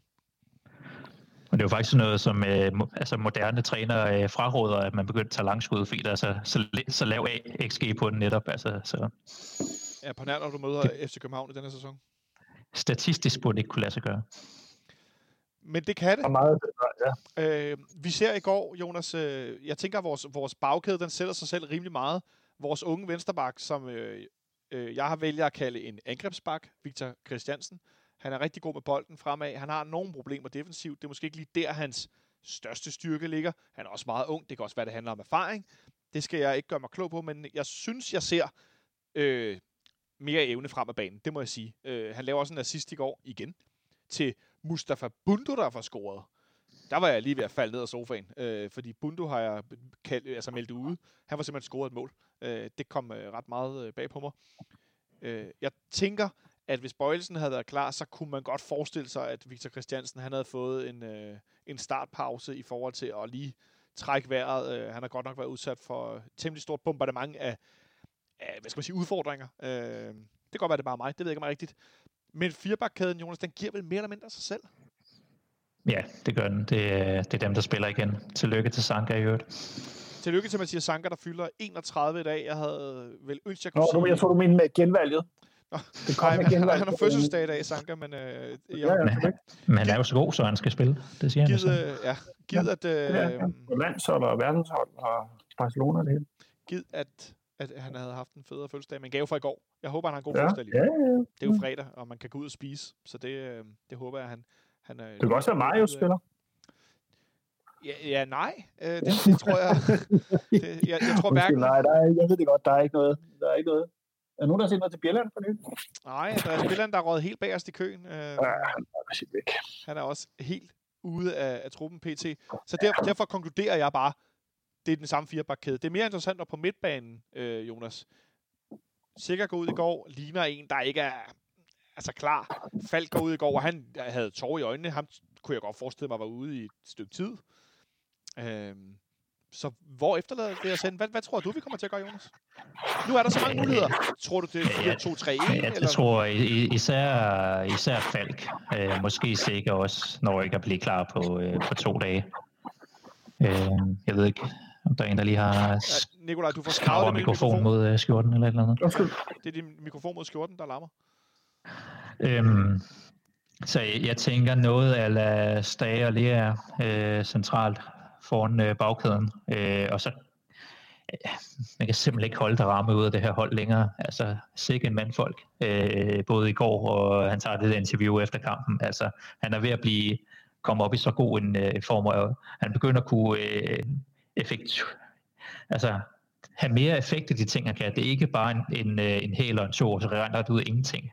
Han kan faktisk udnytte sine øh, enorme tekniske kompetencer til noget produktivt ja. i kampen. Og det, det, han, han er på et breaking point lige nu, hvor han er ved at slå igennem. Det må, det må jeg sige. Det er øh, et, et vildt indhop, han har i går på et hold, som ser fuldstændig opgivende ud i opløsning, så kommer han ind og bare udfordrer og trækker offensiv frispark og altså bryder igennem. Øh... Ja, det, det, det er ham, der sætter Victor Christiansen i løb øh, til, til vores enmål, og han har også en anden situation, hvor han dribler igennem tre i, øh, i deres bagkæde og lige misser en, et cutback. Altså, det er ret vildt. Ja, det er ret vildt. Øh, jeg kan anbefale at se det sidste afsnit af dokumentaren om Mohamed Darami på FCK TV, hvor han jo også scorer i sin U19-landsholds debut. Øh, der blev jeg sgu også lidt rørt, selvom jeg godt kunne huske det, med det der med, at han, han kommer på den, den der landsholdssamling, og så står han der, og han har ikke været der før. Han får nummer 10 den første kamp. Værsgo ud og præsterer, unge ven. Og så scorer han bare på udebane mod det tyske U19-landshold i sin debut. Det synes jeg skulle ret sejt. Øh, det må jeg sige. Øh, hvad siger du, Nicolaj? Tror du, at Darami han får lov at starte inden øh, på, på søndag? Ja, det tror jeg. Jeg, jeg tror, øh, det, det, det, det giver sig selv. Han, ham, ham kan man ikke holde ud øh, i længere, længere tid nu. Øh, så det, det, det tror jeg. Øh, og jeg tror også, øh, jeg tror så til gengæld, at, øh, at Sikker godt kan nå at blive klar. Øh, det kan vi godt afskrive, er jeg ret sikker på. Ja. Og så har vi vel en, øh, en, en, en midtbane, der hedder Lukas Lea og, og, og, og Sikker. Og så kommer spørgsmålet, hvem der så skal ligge der som, øh, som en midtbane. Og jeg så jo gerne... Øh, jeg så gerne at Jonas Vind ligesom går ind og tager mere Rasmus Valds rolle. Øh, og så kunne vi jo have noget mere Altså, han er så kreativ, han med at have øh, vind og, og have liggende der bag, lidt længere tilbage. Så, og så Darami, Fischer og Vilcek, ikke?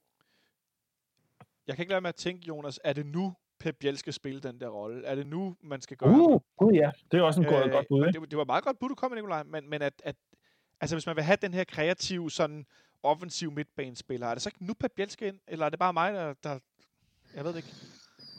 Ja, altså, øh, jeg, jeg kunne også godt tænke mig at se mere til PPL, fordi han, øh, han tager nogle rigtig gode positioner, han har, han har en god teknik og et, et, et godt overblik.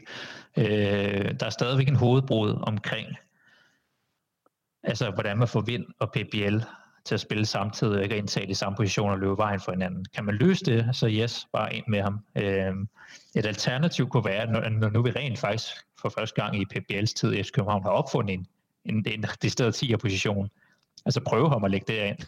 øh, og så er spørgsmålet, om det så skal, om Vind skal ud på siden, eller han skal foran i stedet for Camille. Og så er vi tilbage til den der, når Pep Biel og Jonas Vind spiller sammen, så søger de det samme sted hen, hvis Jonas Vind spiller centralt.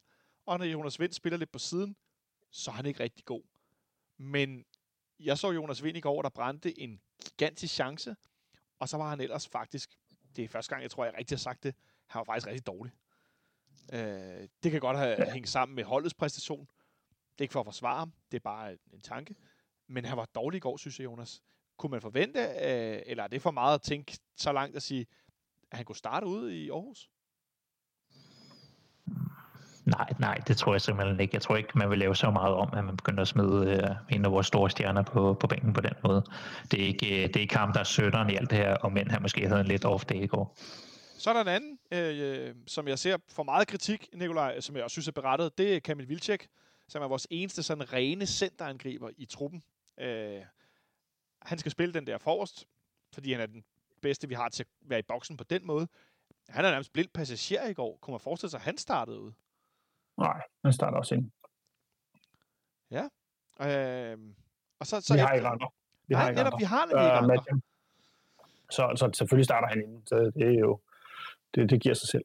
Så det, det giver næsten sig selv, og det er det, jeg lidt hører at sige. Der er nogle få, noget med midtbanen, er det den ene, er det den anden, men så giver det ret meget sig selv. Så er det mest noget med formationen, der kan måske tage, undskyld mig, røven på os. Øh, Jonas, hvad forventer du så, hvilken reaktion forventer du øh, efter sådan et 4-nederlag i Herning fra, fra holdets side? Jeg forventer et hold, der, øh, der er nødt, nødt til ligesom at sælge øjnene og, og komme ind og vinde den her kamp. Ellers så bliver deres første møde med fans i parken virkelig specielt. Altså, vi, vi sad jo i det her team for 14 dage siden og snakkede lidt omkring, øh, nå, men vi skal også give, give projektet tid, og de har kun lige været, og de skal ligesom have, noget, have et par transfervinduer og noget øh, tid til at træne, for at vi rent faktisk kan vurdere dem. Men, så det der, som vi også pointerede i mellemtiden, så møder vi jo, har vi jo par derby, så et par møder med FC Midtland, og, og noget europæisk kvalifikation, der virkelig kan være sådan nogle test af tålmodigheden ja. for både fans og bestyrelsesside. Øhm, så det er lidt for deres egen skyld, de er nødt til at vinde. Nikolaj, det, kan jeg, det, det kan jeg så godt sige. Altså, det, de der, det der dobbeltopgør over med AGF, det skal være 6 point. Altså, den er jo ikke længere. Det, det, det, det, så, sådan er det. Og ellers så kommer der, så kommer der jo det hele. Man skal heller ikke glemme, at, at der er jo et indespærret øh, utilfredshed, som man ligesom har ulmet i så lang tid over det her projekt ikke er på skinner. Og det er jo, det er jo halvandet år. Og det er jo, men det er jo, så det sidste år har vi jo ikke rigtig kunne, kunne komme ud med det på andre måder, end at sidde og, med frode om munden og hakke tasterne på Twitter. Øhm, så så, så, så der, man, der, man skal ikke træde meget ved siden af forhold og, og træner, før man får virkelig meget indespærret vrede, som højst sandsynligt kunne være fuldstændig uberettiget, men, men, men lige i hovedet. Øh, så det kan godt blive rigtig grimt, hvis, øh, hvis de ikke får, får hævet 6 point der, og så kan de jo så passende slutte med at hive nogle flere point. Hvis nu bare, vi starter med den første kamp, Nicolaj. Lad os sige, at vi taber i Aarhus. Hvordan tror du så, øh, hvad skal vi sige, modtagelsen eller velkomsten vil være herinde i parken? Den vil være enormt afmålt. Ja.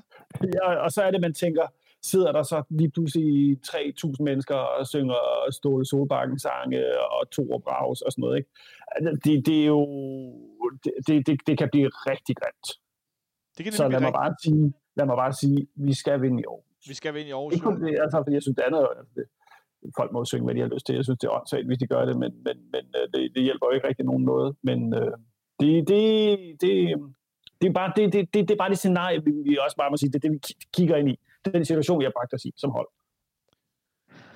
Og, og netop den her situation, den, øh, den snakker vi om i sommer, da vi havde den her tilskuerordning sidste gang, hvor folk de er spredt på stadion, og vi kan ikke rigtig høre den her sektion bruge igennem det hele hele tiden.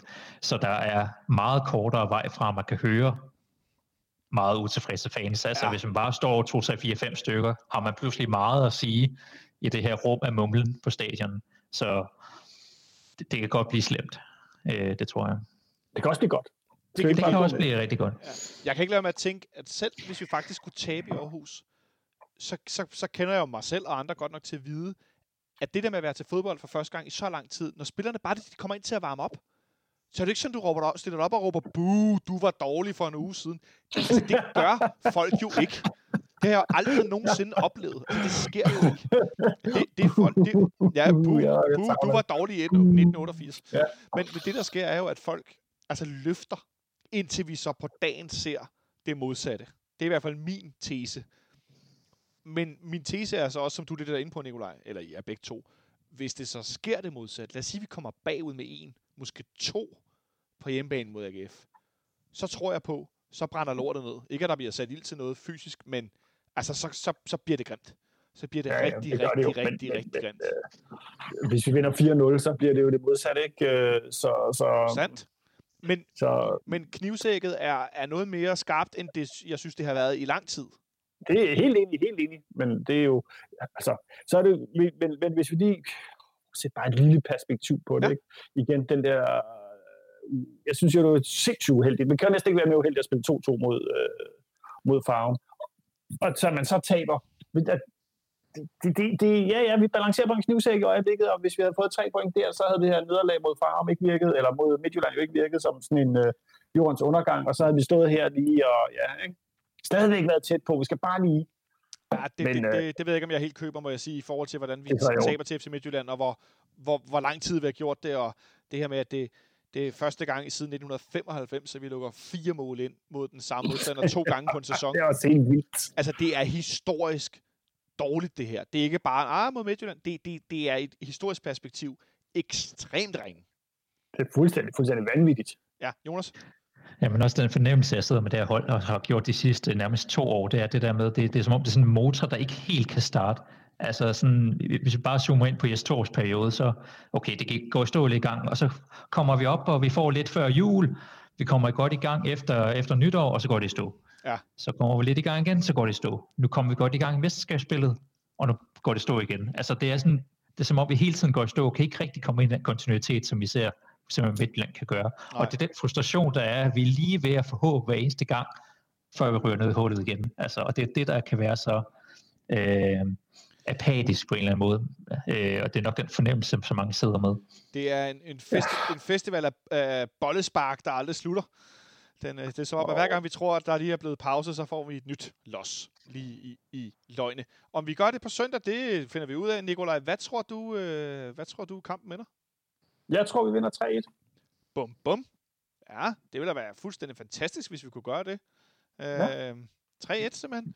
Vil du også have nogle, også nogle målscorer på eller noget, eller er det bare 3-1? 3-1, ja, det, det, det, det jeg om. Det er også ret nok. Det kan jeg godt leve med. Jeg, jeg, jeg, jeg jo Vildtjek scorer, sjovt nok, det, men, øh, men, men så derudover, så... Ja. Så, det, der sker. Hvad siger du, Jonas? Det var et optimistisk bud for Nikolaj her nederst på, på min skærm. Hmm.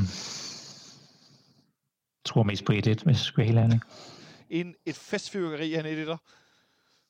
Ja, to hold, der står øh, måske ikke så godt til hinanden. Øh, AGF vil gerne spille lidt, lidt afvendende, og, og vi, vi vil gerne spille direkte øh, ind igennem midten, så lad os se, hvad, hvad, hvad, hvad det kan blive til på den led i det der. Åh, oh, jeg har en eller anden dårlig fornemmelse. Jeg tror, jeg vil lade det være op til at sige, og så må, kan det være det er meget overfladisk, så må jeg gå med det. Hvis Sten Grydebus står på mål, så taber vi 2-1. Hvis Kalle Jonsson står på mål, så spiller vi 1-1, som du siger, Jonas. Men jeg tror simpelthen ikke på, at vi kan vinde, så længe Grydebust han bliver ved med at, at dække op uden for stolperne og placere sig mærkeligt og lukke mål ind midt i. Og, ej, jeg kan ikke med det. Sorry. Øhm, så øh, det må være ordene om øh, kamp på søndag, og så har vi kun lige én ting tilbage. 3 minutter mere! Fuld pedal! 3 minutter mere, Jonas! Pres dig helt ud! 3 minutter! Fuld pedal! Skal vi se, om vi gør det på tre minutter. Jeg har øh, den her optagelses lille tre minutter mere. Det er simpelthen vores kære cheftræner. Øh, man kan klandre ham for meget med taktik og formationer og spillere og mandskabsbehandling, som jeg som udforstående ikke ved noget om. Men noget, jeg ved noget om for, som udforstående, det er den måde, han fremstår på i medierne. Og jeg må tilstå, kære Jes Torup, hvis du nogensinde skulle høre det her, det er simpelthen ikke godt nok, når du står i Herning og ønsker FC Midtjylland tillykke med mesterskabet, så længe det er matematisk muligt. Det er simpelthen ikke godt nok, når du ikke forstår vigtigheden af, at du ikke skal stå og øh, smile og grine med din gamle ven, Brian Priske, mens kameraet filmer. Det er simpelthen ikke godt nok, når du ikke er mere fast i dine udtalelser, og for pokker, du bliver nødt til at være rasende, når vi taber 4-1 på udbanen.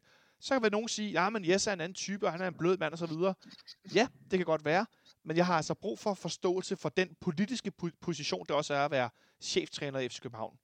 Vi brander os på at være Skandinaviens største fodboldklub, og en del af det, det er altså at have en kæmpe magtposition.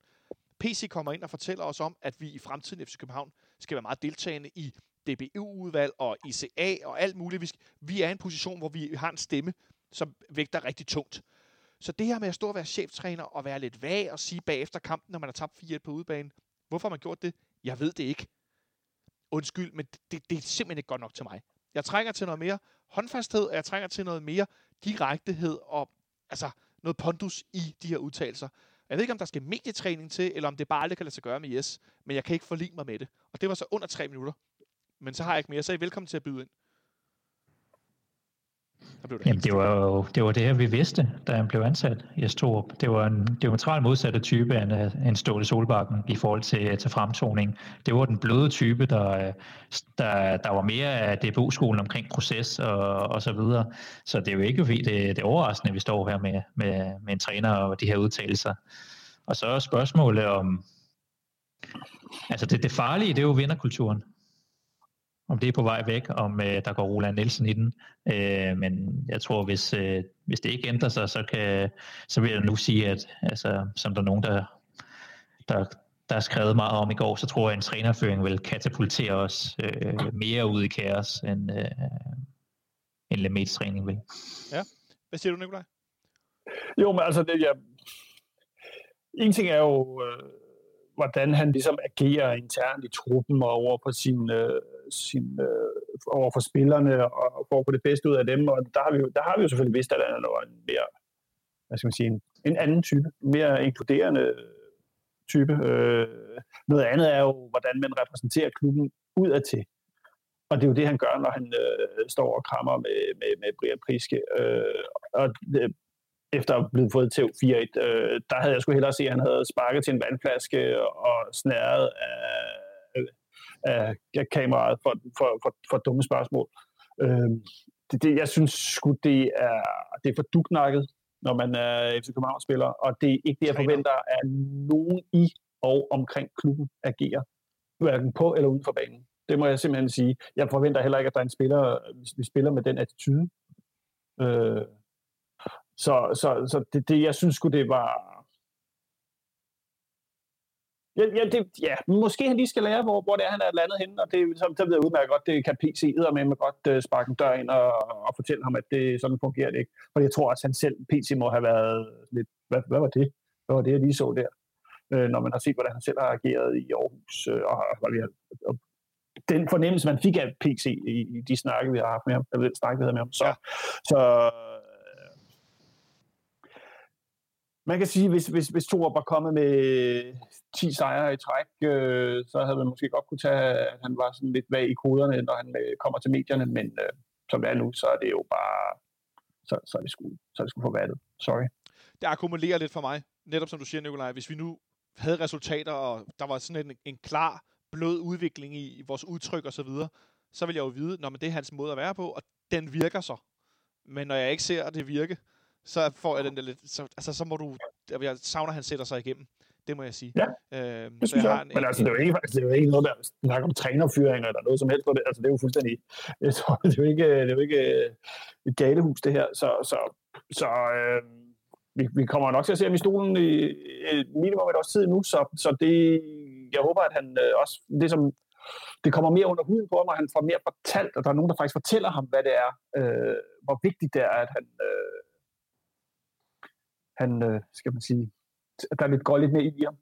Ellers så må Jes Mortensen skulle ligge med en lighter i, øh, bag ved ham og, og Sæt det lige til ham. Au, au, au, au. Ja, au, au, au, au. Men så, men, så, men, ja. så vil jeg bare sige til sidst, øh, en ting er at, og det er jo os, der måske er, er skyld i det, men FC København er en fodboldklub. Nu har vi, øh, som et godt eksempel, vi har fire fanmedier, hvor det ene har en deltidsansat, og de tre andre er 100% frivillige. Der er faktisk fem, eller er der seks, jeg bliver lidt i tvivl øh, hvis vi tæller podcast som medier. Vi taler, om en, fod- vi taler om en fodboldklub med sindssygt meget opmærksomhed omkring sig i et lille land som Danmark. Vi vender og drejer alting. Folk diskuterer når, ting, når der bliver lagt ud omkring billetter til den her AGF-kamp. Hvor mange var det, man kunne bestille sidst? Hvornår er det? Og hvad sker der så, hvis man ikke tager AGF-kampen? Har man så større chance for Brøndby-kampen? Og, altså, tingene bliver diskuteret stolpe op og stolpe ned. Når jeg stod i går og taler om sin gamle ven, Brian Priske, det skal han for have lov til så bliver det jo vendt og drejet. Der er en grund til, at vi taler om det. Men jeg får sådan lidt, forstå nu vigtigheden af, at du ikke gør det foran kameraet. Gør det nu nede en gang, hvor der ikke er nogen, der ser det. Fordi vi tolker alt, og vi overtolker, og diskuterer, og desificerer, og vender og drejer alting, uanset hvor stort eller småt det er. Og sådan er det bare at være en fodboldklub, hvor der er rigtig meget opmærksomhed. Det er det samme Sådan er det at være en stor, stor, stor klub. Sådan er det at være i landets største Præcis. klub, Skandinaviens største klub. Du, du, du står, ikke, det er ikke Jolly Cola, du står i spidsen for, det er Coca-Cola. Ikke? Øh, du kan ikke... Øh, det, det er bare ikke godt nok, det der. Nej, og det må jeg skulle sige. Øh, tålmodighed med, med fodboldprojektet, selvom jeg er rasende over, at vi spiller så skifte dårligt, og så lige lidt godt, og så dårligt.